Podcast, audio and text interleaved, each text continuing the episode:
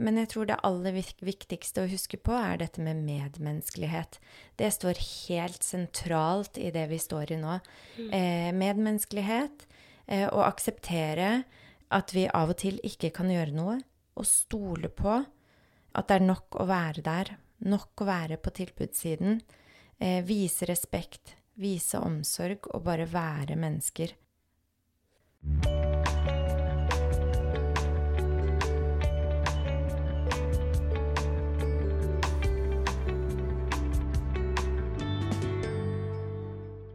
Hjertelig velkommen til podkasten 'Leger om livet'. Jeg heter Anette, og jeg jobber som lege. I dag så skal vi snakke om et tema som er veldig relevant akkurat nå. Og med meg har jeg Katarina Prakon, som ble ferdigutdanna lege i 2009 og har jobba i mange år som allmennlege. Hun er medgründer av Lille Lab, som er en møteplass for barn og småbarnsforeldre. Hun har også jobba som frivillig med arbeid på Filippinene, bl.a. med nødhjelp og helsefremmende arbeid for urbefolkninga. Og Katarina brenner for å hjelpe mennesker i nød, og har nylig reist til Polen for å hjelpe flyktningene fra Ukraina. Og det var i den sammenheng jeg tenkte at jeg hadde veldig lyst til å ta en prat med Katarina. For i dag skal vi snakke om nettopp dette temaet. Hvordan kan man hjelpe andre? Hva møtte Katarina når hun reiste til Polen for å hjelpe? Og hvordan kan man på best mulig måte hjelpe andre i nød? Hjertelig velkommen, Katarina. Tusen takk, Anette. Setter så pris på å bli invitert til den fine podkasten din. Det er jo så hyggelig, for vi har jo blitt kjent Altså, det er mange ting man kan si om eh, sosiale medier, men det er masse fint med sosiale medier òg. Og vi har jo blitt kjent over Instagram. Det har vi. For du driver en eh, Instagram-konto som heter Doktordamen. Mm. Som er en veldig fin kanal med veldig god folkeopplysning. Takk. Og, så vi ble jo venner der, og så så jeg plutselig at du eh, skrev at du trengte hjelp, for du skulle reise til Polen for å hjelpe flyktningene. Mm. Og da fikk jeg jo Ja, man blir jo Man får jo så lyst til å være til hjelp.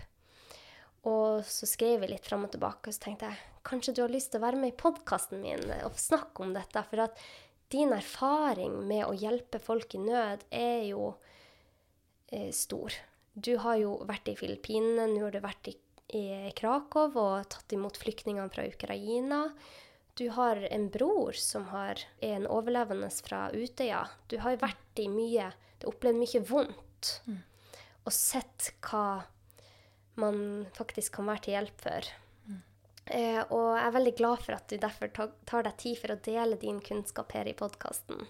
Ja, takk, Anette. Jeg eh, vet ikke alle disse opplevelsene er eh, Man tenker liksom at man skal forberede seg og vite, vite det når man har vært gjennom en eller to tøffe ting, og har pasienter daglig på kontoret som opplever tøffe ting. Mm. Men hver og en av disse opplevelsene er annerledes, farget med andre farger og nyanser. Mm. Så alle er noe man lærer, tar med seg videre.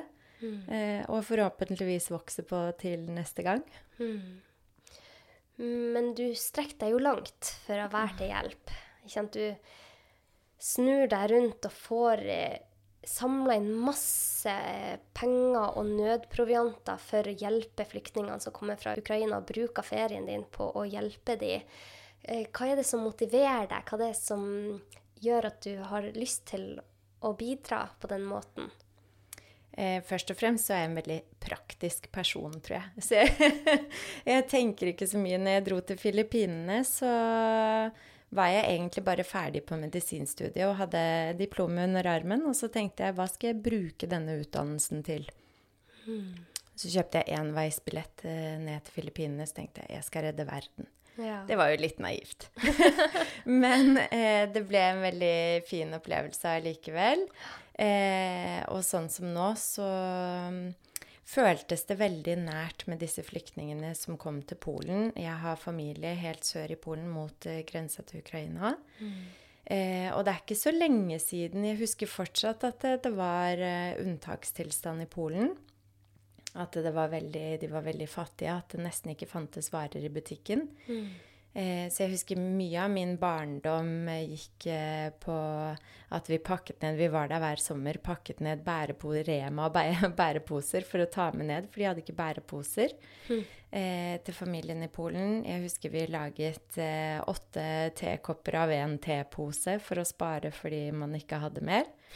Em, og så skal det jo sies at mine foreldre kom til Norge som flyktninger Ja. et halvt års tid før jeg ble født. Oi. Og de fikk vanvittig mye hjelp av den norske stat og tak over hodet eh, og eh, integrering, norskkurs. Eh, og jeg fikk en god, og trygg barndom på norsk skole og i Norge. Og for det er jo veldig, veldig takknemlig, ikke sant? At de fikk den muligheten. At det er et system som funker sånn. Når, eh, når man, at man kan reise til et nytt land og bli varetatt på den måten. Så for meg så er nok det mye av eh, grunnen til at jeg føler sterkt på dette. Og har et veldig stort ønske til å hjelpe, rett og slett for å gi tilbake litt av det vi har fått. Hvorfor flykta de? Det var eh, krigstilstand i Polen eh, tidlig på 80-tallet. Og min far var eh, politisk aktiv. Så de flyktet faktisk eh, over grensen, og tolv timer etterpå så kom militæret på døra til bestemor og skulle ta pappa. Å, herre min hatt. Åh, nå fikk jeg frysninger. Ja, Så de rakk det akkurat. Mm. Så dette må jo føles veldig nært for, for særlig de. Ja. Nå ser de at det skjer med nabolandet. Ja. Ja. ja, de kjenner nok veldig på det, og de eh, hjelper til der de kan. De kastet seg faktisk rundt og ble med meg, for det ble så mye det ble så mye vekt, overvekt, som jeg skulle ha med nedover til eh, Krakow. Så jeg endte med fem kofferter. Oi. Og så sa bare mamma og pappa vet du hva, vi kjøper billetter, og så blir vi med. Så tar vi noen av koffertene dine, og du trenger litt bærehjelp. Åh. Ja, så det var veldig fint. For hva er det du samla inn? Hva var det du mm, tenkte var Hva var nyttig å ha med seg? Ja, og det, det jeg tenkte var nyttig å ha med seg, var ting man hadde lest om. Jeg hadde fått rapportert at det trengs eh, bleier, bind, sånn engangs hygieneartikler som ikke disse flyktningene har fått med seg over grensen. Eh, tepper, eh, sånne ting. Eh, så jeg fikk masse sånt, i tillegg til faktisk eh, en fra mm, som tidligere har vært i Forsvaret, som kontaktet meg og ga en del sånn traumebandasjer. Ja. Det var helt fantastisk, for det var jo akkurat det de trengte i Ukraina. Så det er en liten forskjell på hva de trenger i Ukraina og i Polen. Men jeg klarte å samle alt dette, både eh, medisinsk utstyr, hygieneartikler, alt sånt, og reise ned. Og så litt sånn som jeg fortalte deg, jeg kom ned dit og trodde jeg hadde stålkontroll over hva de hadde behov for, men så, var de, så var det litt andre ting også som dukket opp underveis, eh, hva de egentlig hadde behov for da når jeg først møtte disse flyktningene på grensen. For du møtte de på grensen, og så møtte du de òg i Krakow. Ja, først og fremst de største møtene var i Krakow på sentralstasjonen når de hadde kommet over, over grensen. Eh, på selve grensen da, eh, på daværende tidspunkt, som var bare halvannen uke etter krigen hadde brutt ut, så var det eh, fortsatt ganske kaotisk på grensen. Så der sto det busser og skuffet flyktningene videre til enten Krakow eller Warszawa, som var to sånne hovedpunkter da, på sentralstasjonen der. Em, så de fleste møtte jeg på sentralstasjonen nede i Krakow, hvor de da hadde kommet med tog, og så kommer de ut i sentralstasjonen i Krakow og vet ikke hvor de skal videre. Ofte Ja. når man er på en togstasjon, så har man jo en billett videre og vet hvor man skal. Men det visste ikke de. Så hva møtte deg der? Ja Helt sånn overveldende mye mennesker.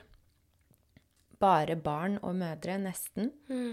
Eh, masse liggeunderlag eh, og litt sånn slitte tepper. Eh, masse folk i nød som fortsatt var i fluktmodus. Eh, jeg kom ned Det er litt sånn interessant, for i Krakow, den togstasjonen befinner seg under bakken. Og så tar man en sånn glassheis ned til under bakken.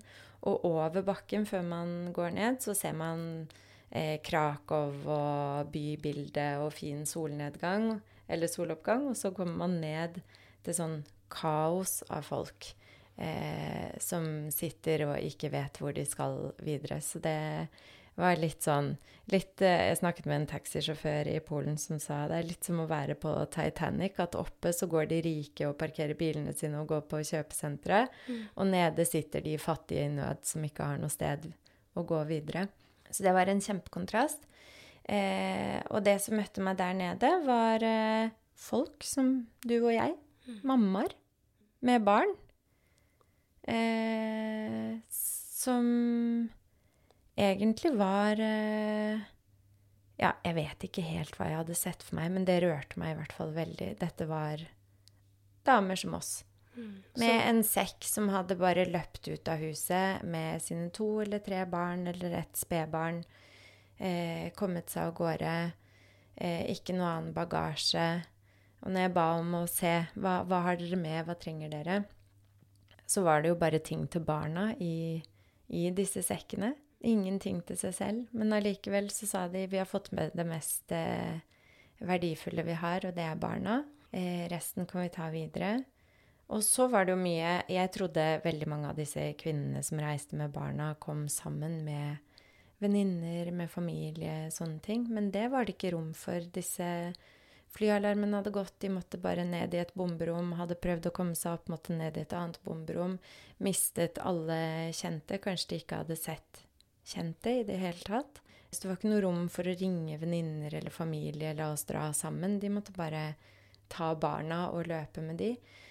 Og så skal man jo huske på at dette er kvinner som i utgangspunktet Og her må jeg bare hylle mødre og det morsinstinktet som bare er eh, helt vanvittig. Dette er kvinner som vanligvis Eller som ikke hadde lyst til å reise. De hadde et fint hjem, de. De hadde et fint liv. De hadde ikke lyst til å forlate det de gjør. De så ikke for seg et liv noe annet sted. Det ville ikke være meningsfylt. Eh, og så var de jo selvfølgelig nødt til å forlate mennene, som måtte bli igjen og kjempe. Men i tillegg til det så måtte de kanskje forlate foreldre som var for syke til å reise. De måtte forlate jobben. Eh, de måtte forlate alt de hadde. Eh, og flere av kvinnene jeg snakket med, eh, sa jeg hadde blitt igjen, og jeg hadde kjempet, og jeg, hadde, jeg har ikke noe liv noe annet sted. Eneste grunnen til at jeg måtte flykte, er av barna mine. Jeg vil at de skal få et liv. Jeg vil at de skal være trygge. Jeg vil at ingenting skal skje de. Så det var eneste motivasjonen til disse kvinnene, og det var helt utrolig hvordan man kan um, Ja, bare undertrykke egne behov og og, og, og, sånt, og bare tenke på disse barna og skulle sikre de noe trygt. Ja. Uff, det der er så sterkt. Ja, det Åh, det er så tragisk. Men um, hva fant du ut? For du sa at du hadde tatt med deg veldig mye. Men så fant du ut at det var kanskje flere ting, ting de trengte som du ikke hadde tenkt på. Og hva var det de mødrene Når du kom med eh, det du hadde samla inn. Hvordan tok de imot deg? For dette er jo sterke, flotte kvinner som har jobb og står på hjemme, og så er de plutselig blitt en flyktning over natta. Mm. Hvordan For én ting er jo hvordan du møter de, men hvordan møter de å få hjelp? Jeg bare tenker Hvis jeg var i den situasjonen, det hadde vært kjempevanskelig å være en person som måtte få hjelp Mm. på det nivået der. Mm. Og sånn som du sier, over natten endre status så radikalt. Ja. Å være i så behov for hjelp, det, det Jeg tror det er eh, veldig vanskelig, og det var noe jeg ikke hadde tenkt over, egentlig. Jeg prøvde å forberede meg så godt jeg kunne og ta med det jeg tenker at man trenger. Mm. Eh, men eh, disse kvinnene har jo en verdighet, ikke sant? De har jobbet kanskje hele livet for å få råd til å kjøpe seg et hus og er stolt av det, og en egen økonomi og, eh, og sånt. Og så skal de plutselig sitte på en togstasjon og ta imot en pakke med bind og tannbørster. Eh, Eh, så det, de var selvfølgelig veldig, veldig takknemlige for all hjelpen de fikk, og satte selvfølgelig veldig, veldig pris på å bli godt tatt imot i Polen. Men, eh, men det som gikk igjen, var at disse kvinnene følte at de måtte gi noe tilbake. De hadde ikke lyst Jeg opplevde f.eks. at jeg hadde med ja, bleier eller bind. Mm. Eller sokkepar. Jeg hadde med sokkepar. Sånn trepakk sokkepar. Ja. Eh, og så ga jeg ut disse sokkeparene. Og da tok de ut Da åpnet de den trepakken, og så tok de ut ett sokkepar, og så ga de resten tilbake, så jeg kunne gi til noen andre. Åh, det er så fint. Ja, for, de ikke, for det første så hadde de ikke lyst til å ta imot mer enn det de trengte. De hadde lyst til å dele med andre, at alle som hadde behov, skulle få. Og så tror jeg også det er noe i det at de eh, Ja, denne verdigheten, da. At det ligger dypt i de Hvorfor skal vi få dette gratis? Eh, jeg har lyst til å gi noe tilbake for disse sokkene du gir meg. Mm. Eh, så ofte så måtte jeg bare tvinge, tvinge de til å ta imot ting jeg hadde, da. Eh, og på det hotellet jeg bodde, f.eks., så um, der hadde de akkurat samme erfaring, eh, de som hjalp til fra byen. Eh, så det de hadde gjort, var at de hadde gitt rom til mødre med små spedbarn som åpenbart ikke kunne ikke burde sove på sentralstasjonen.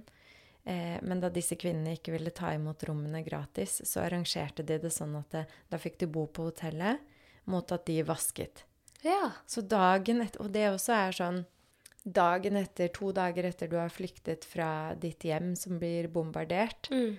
så er de allerede i gang med å organisere seg, disse ukrainske kvinnene, at noen passer barna mens andre vasker.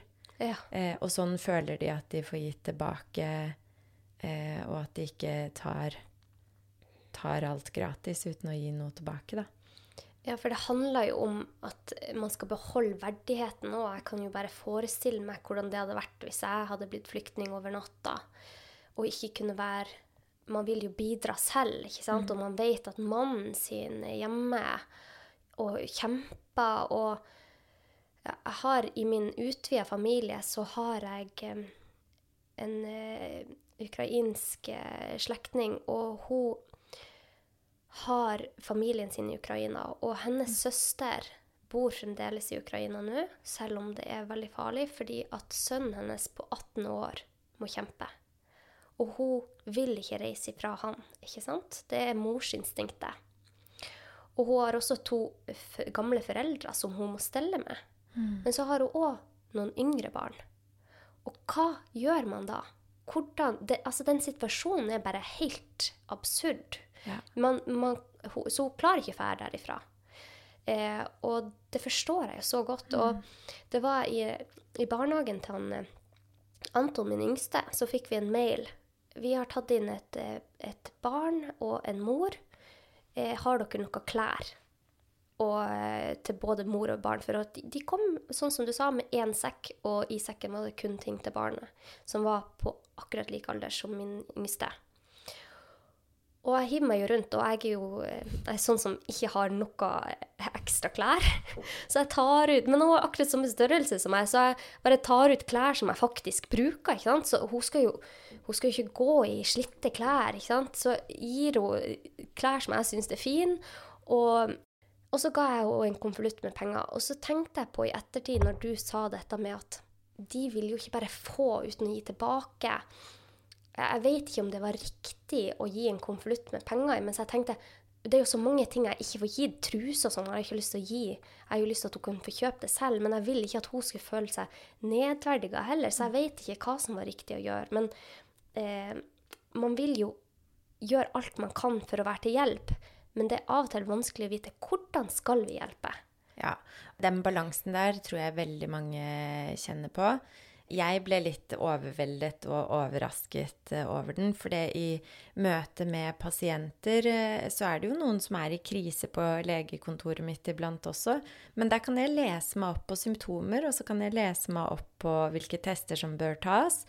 Og så kan jeg finne ut av hvilke diagnoser og behandling som blir riktig. Jeg kan forberede meg i forkant og være veldig ovenpå. Ja. Men sånn som i denne situasjonen, hvor det er så stort mangfold av folk, og de kommer jo i alle klasser fra Ukraina òg. Det er fortsatt veldig mange fattige i Ukraina, og så har du overklassen i Ukraina. Alle har mistet alt de eier, mm. men, men, de kommer fra veldig forskjellige kår også. Mm. Så er det veldig, veldig vanskelig å vite, sånn som du sier, hvor mye skal man gi uten å um, At det skal ja, gå løs på verdighet, eller at, man, at det skal bli en sånn ubalanse, da. Mm. Eh, og det jeg syns er så fint, og det opplevde jeg også med det innlegget jeg la ut før jeg skulle dra, denne medmenneskeligheten og det behovet vi har, og lysten vi har til å hjelpe og møte mennesker der de er. Eh, jeg syns det er så utrolig rørende og fint, da. Og så hvordan skal man hjelpe på best mulig vis? Jeg tror nok det å ikke Litt sånn som jeg kanskje gjorde før jeg dro ned, at jeg leser meg veldig opp på krisehåndtering, leser meg veldig opp på Sånn som jeg gjør på legekontoret. Jeg tror det å komme med et åpent sinn, da Litt sånn åpent hjerte, litt sånn som du forteller. Jeg hadde lyst til å hjelpe, og jeg prøvde å samle sammen det jeg hadde. Komme og rett og slett spørre hva kan jeg gjøre for deg? Mm. Bare det å være til stede er uh, undervurdert. Uh, det å gjøre noe hyggelig er uh, undervurdert. Og så trenger jo disse Jeg tror man trenger forskjellige ting i forskjellige livsfaser man er i også. For eksempel så, så jeg nede i den sentralstasjonen et barn som åpenbart var med mor, som var veldig rørt av at hun måtte reise fra resten av sin familie. Og selvfølgelig hadde det veldig tøft. Eh, så hadde jeg kjøpt inn sånne såpebobler som jeg gikk rundt og prøvde å dele ut til disse barna. Og denne moren ville heller ikke ta imot disse såpeboblene egentlig, fordi hun følte det ble så mye. Mm. Men så tok de såpeboblene, og så så jeg de vet jo faktisk ikke hva såpebobler er. Nei. Fordi barnet begynte å riste på det og bare trodde det var liksom leken, at man skulle gå og riste på den. Ja. Så når jeg åpnet den opp og blåste disse boblene, så var det bare så mye glede hos det barnet, oh, ja. som igjen smittet over på mor, ikke sant. Hun ble jo så rørt og glad for at eh, barnet klarte et øyeblikk å ha det fint. Mm. At hun hadde det fint, hun også. Og det er jo bare en sånn liten absurd eh, Et lite avbrekk. Jeg tror på ingen måte at jeg har reddet livet deres eller gjort dette noe veldig mye enklere. Men det er de små øyeblikkene, det er de små tingene som kanskje gjør at uh, at man får en liten pause, at man får en liten glede akkurat der og da, som mm. er så utrolig fint å kunne gi, da. Så jeg tenker folk som har lyst til å hjelpe, og folk som ønsker å være til stede, det er en så fin egenskap. Eh, bruk den, vær der. Eh, vær tilgjengelig, men, men litt bevisst at man kan ikke gå inn og reparere situasjonen. Mm. Man må ikke gå inn, for det er jo litt sånn vi mennesker er, at når vi setter i gang en handling, så forventer vi å se resultater. Og dette ikke bør ikke være resultatbasert, men kanskje fokus på ja, disse små tingene, og at man bare skal kunne være til stede. Mm. For vi er jo så resultatbasert. ikke sant? Ja, Nå skal vi gjøre det vi kan, sånn at de får det bra. Ja. Men det er ikke, er jo ikke mulig i Nei. en sånn situasjon. Nei. så bare det å møte dem og se dem, og hva er det de trenger, og hvis de ikke har lyst til å ta imot absolutt alt du har å gi, så er ikke det vondt ment, men det er for at de vil beholde sin verdighet. Mm. Eh, akkurat som vi ville hvis vi hadde reist. Vi ville vært til nytte og prøvd å hjelpe eller vaske eller det, det, er vår menneskelige psykologi, og mm. det, det, er sånn vi fungerer. Og um, ja, jeg syns det er veldig gode råd. da. Bare vær der. Liksom, vær til stede. Hva er det akkurat denne personen trenger? For det kan være noe helt annet enn en annen mm. person som kommer fra samme land, som er flyktning fra samme sted. Og de kommer fra en kultur, helt riktig, og de kommer fra en kultur som er eh, bare det å invitere på middag. Eller bare å gå over med en varmrett mm. til en mor som kanskje ikke orker å lage mat. Eh, det er jo veldig fint og enkelt eh, man kan gjøre. Mm. Eh, spørre om man kan handle inn litt sånne ting. Og så er det et aspekt som jeg møtte som eh, litt sånn overrasket også over min egen reaksjon der nede på sentralstasjonen. Hvor mye skal man ta den sorgen deres inn over seg? Ja. Og hvor mye skal man vise Hvordan kan man vise medfølelse? Altså skal man stå Ja. og gråte sammen med dem? Mm.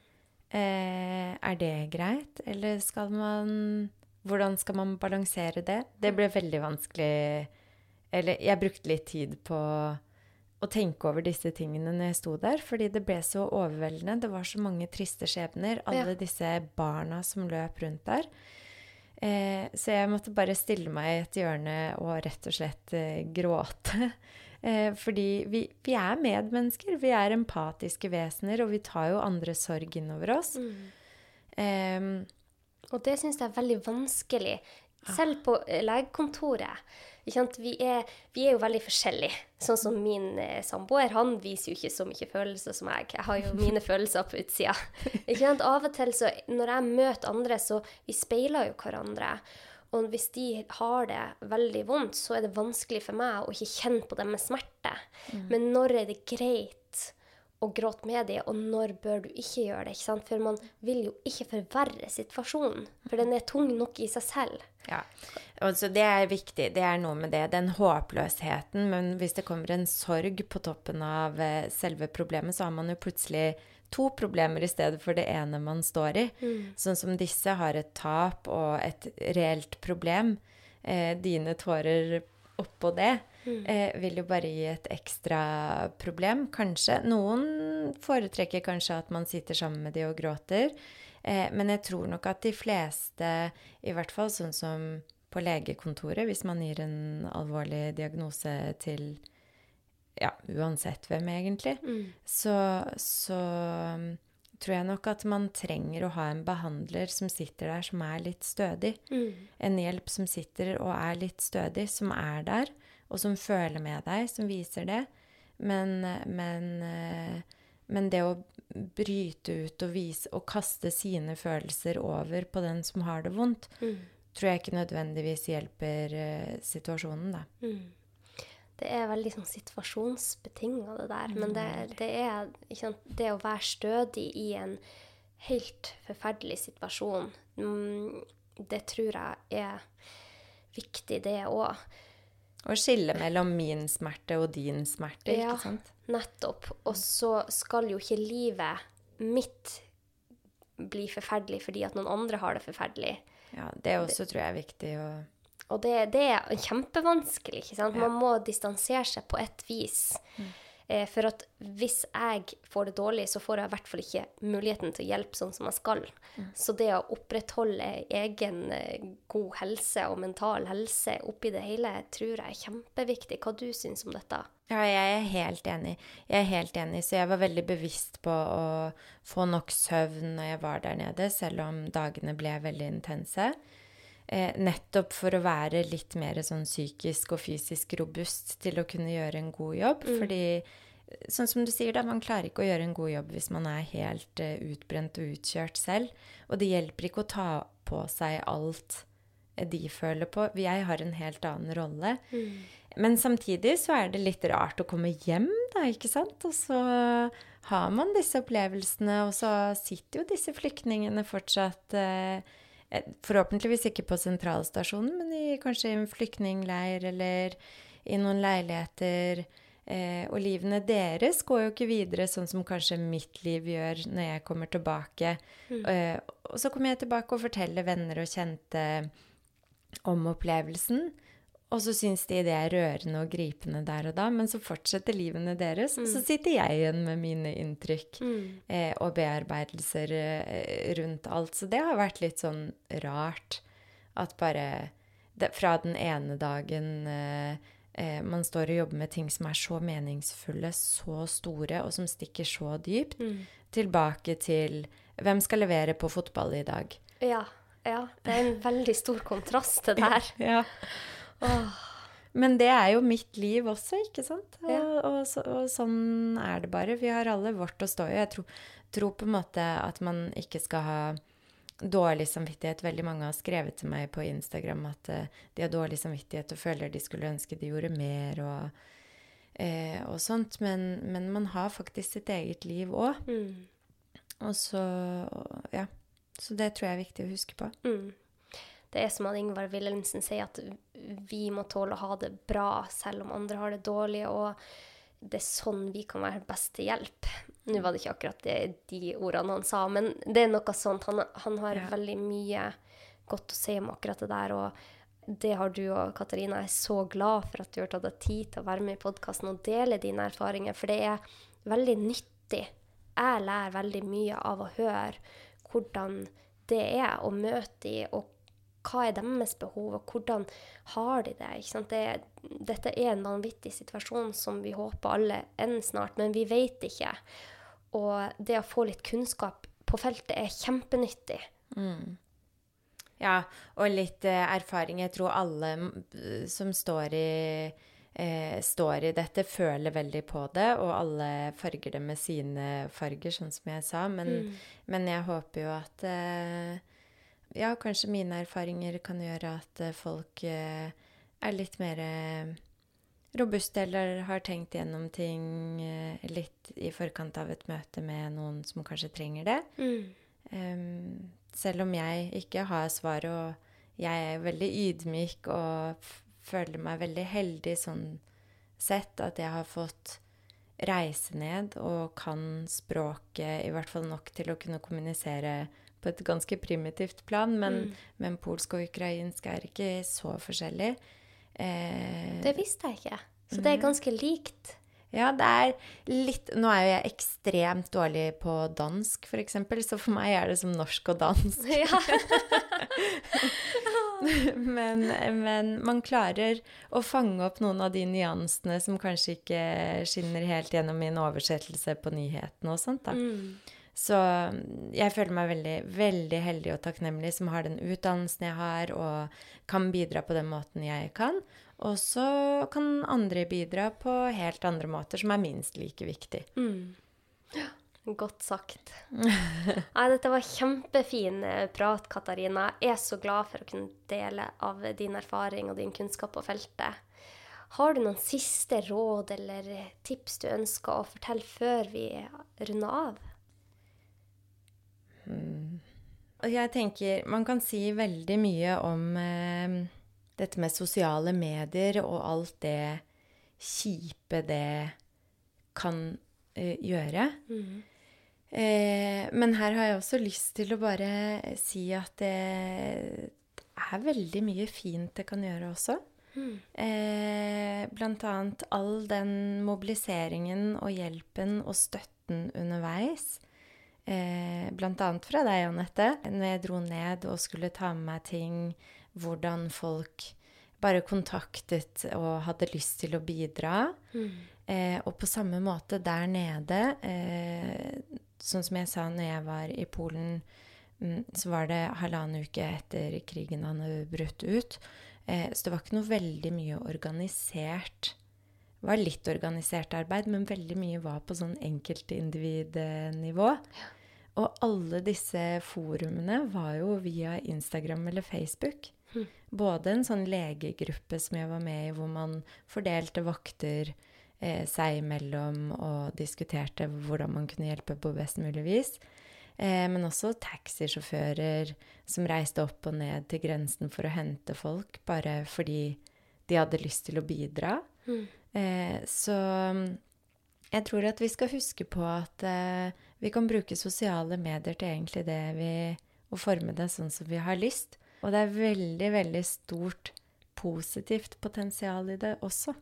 Hmm. Hvis man klarer å løse det på den måten. Hmm. Og det er jo sant. Man ser jo det for en mobilisering som har skjedd på sosiale medier. Og. At man kan bruke det på den måten og kunne samles. Ja, det er veldig fint. Mm. Eh, du spurte meg om jeg har et sånt eh, siste råd eh, til eh, de som har lyst til å bidra, eller i forhold til den flyktningkrisen vi står i. Eh, og der har jeg bare lyst til å si at eh, det er normalt, tror jeg, å bli overveldet og rørt og lammet av maktesløshet midt i alle denne forferdelige forferdeligheten som skjer i verden. Og så melder det seg en handlingstrang, som vi var inne på i stad, eh, hvor det kanskje ikke er så lett å akseptere at man ikke har et konkret eh, mål man jobber for. Men jeg tror det aller viktigste å huske på er dette med medmenneskelighet. Det står helt sentralt i det vi står i nå. Mm. Eh, medmenneskelighet, eh, å akseptere at vi av og til ikke kan gjøre noe, og stole på at det er nok å være der, nok å være på tilbudssiden. Eh, vise respekt, vise omsorg og bare være mennesker. Hmm. Det var så fint sagt. Tusen takk, Anette. tusen takk for at du kjørte eh, hit, møtte meg her på Fornebu, her jeg har eh, eh mitt eh, ydmyke, lille studio, og ville dele av din erfaring og kunnskap. Tusen hjertelig takk, Katarina. Takk for at jeg fikk komme, Anette. Takk. Og hvis det er noen som føler at dette er en episode som er til nytte for andre, og vi står jo i mye nå, og det er mange som kanskje skal ta imot flyktninger, del denne episoden med det, så får vi ut den gode kunnskapen. Og ja, med det så ønsker vi dere en kjempefin dag. Ha en fin dag. Ha det godt.